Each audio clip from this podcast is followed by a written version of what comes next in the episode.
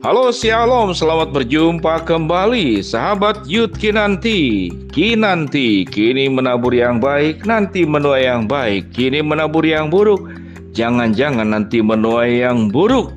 Sahabat Yud Kinanti, kita akan belajar Yaitu namanya ababil. Ababil. Ayo, ada yang tahu nggak?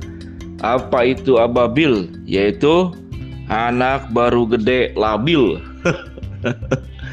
ya itu istilah pernah kenal atau sering diucapkan tapi itu yang dari 25 kata-kata yang orang dewasa, orang tua kita mungkin tidak mengerti. Ababil, anak baru gede, labil.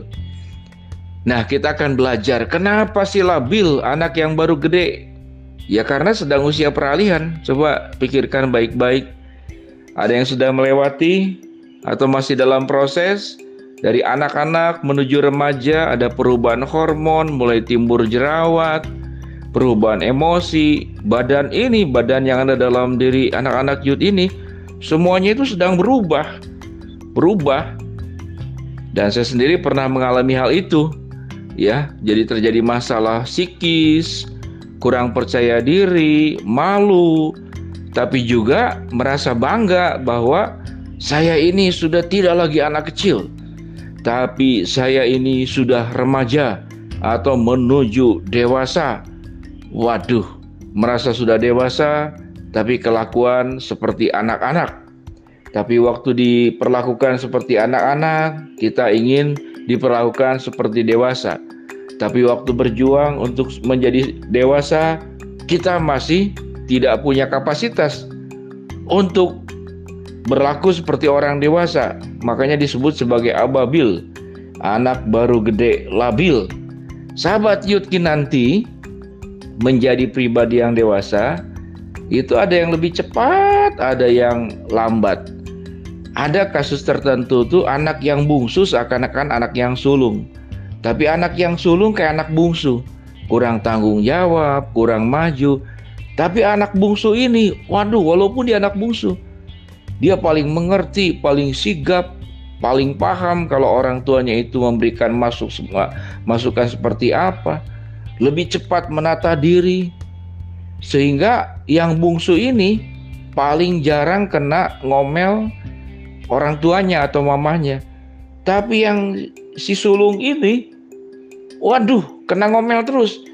Jadi sebetulnya kenapa sih mama kita itu mengulang-ulang orang tua kita itu mengulang-ulang hal yang sama? Yang salah di mana? Rasanya dua-duanya. Ya orang tua yang terlalu cerewet juga keliru, tapi anak yang terus dinasehatin pasti ada hal yang keliru juga di dalam diri anak.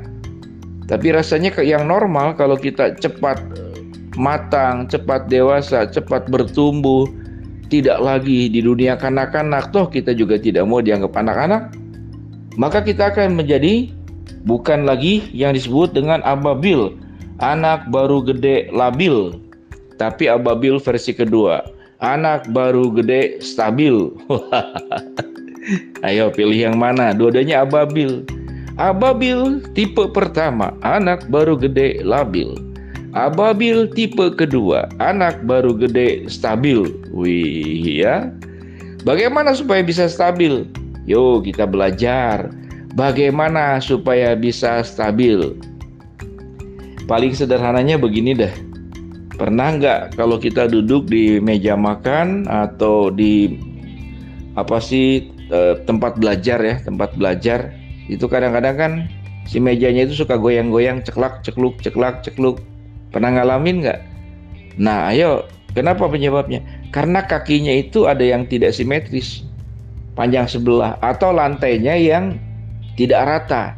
Nah, itu tidak stabil. Jadi ada yang panjang sebelah, ada yang lebih panjang prinsipnya, atau tidak stabil bawahnya. Coba bayangin kalau tidak stabil, kita simpan apa pun yang di atasnya itu bahaya sekali. Ya kan?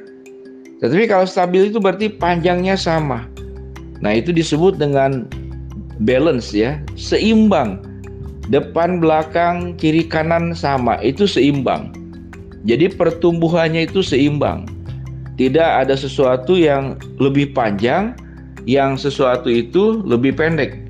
Nah, kalau dibilang apa keseimbangan yang perlu diperjuangkan buat anak-anak youth nanti? Ayo, apa keseimbangan yang perlu diperjuangkan? Sebetulnya banyak hal. Kalau kita ingin dimengerti, kita harus belajar mengerti. Kalau kita kalau kita menuntut orang tua, orang tua juga ada tuntutannya pada kita. Yang seimbang itu bagaimana? Timbal balik. Timbal balik. Maka dia akan seimbang. Apalagi yang disebut dengan seimbang balance antara waktu main dengan waktu belajar harus harus seimbang.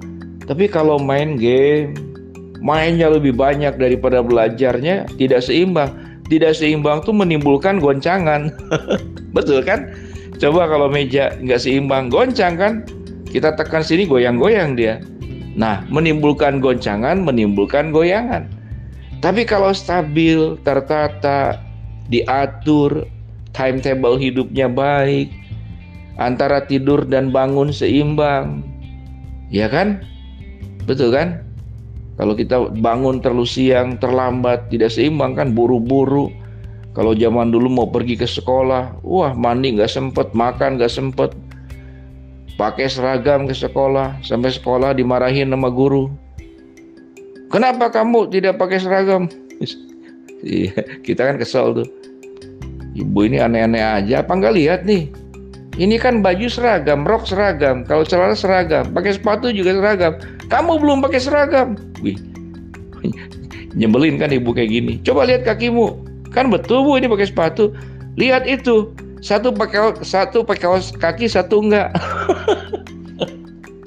Baru sadar sampai ke sekolah karena buru-buru semuanya lengkap Cuman kakinya satu pakai kaos kaki satu enggak. Ih, bari iya. Aduh, minta maaf, Bu.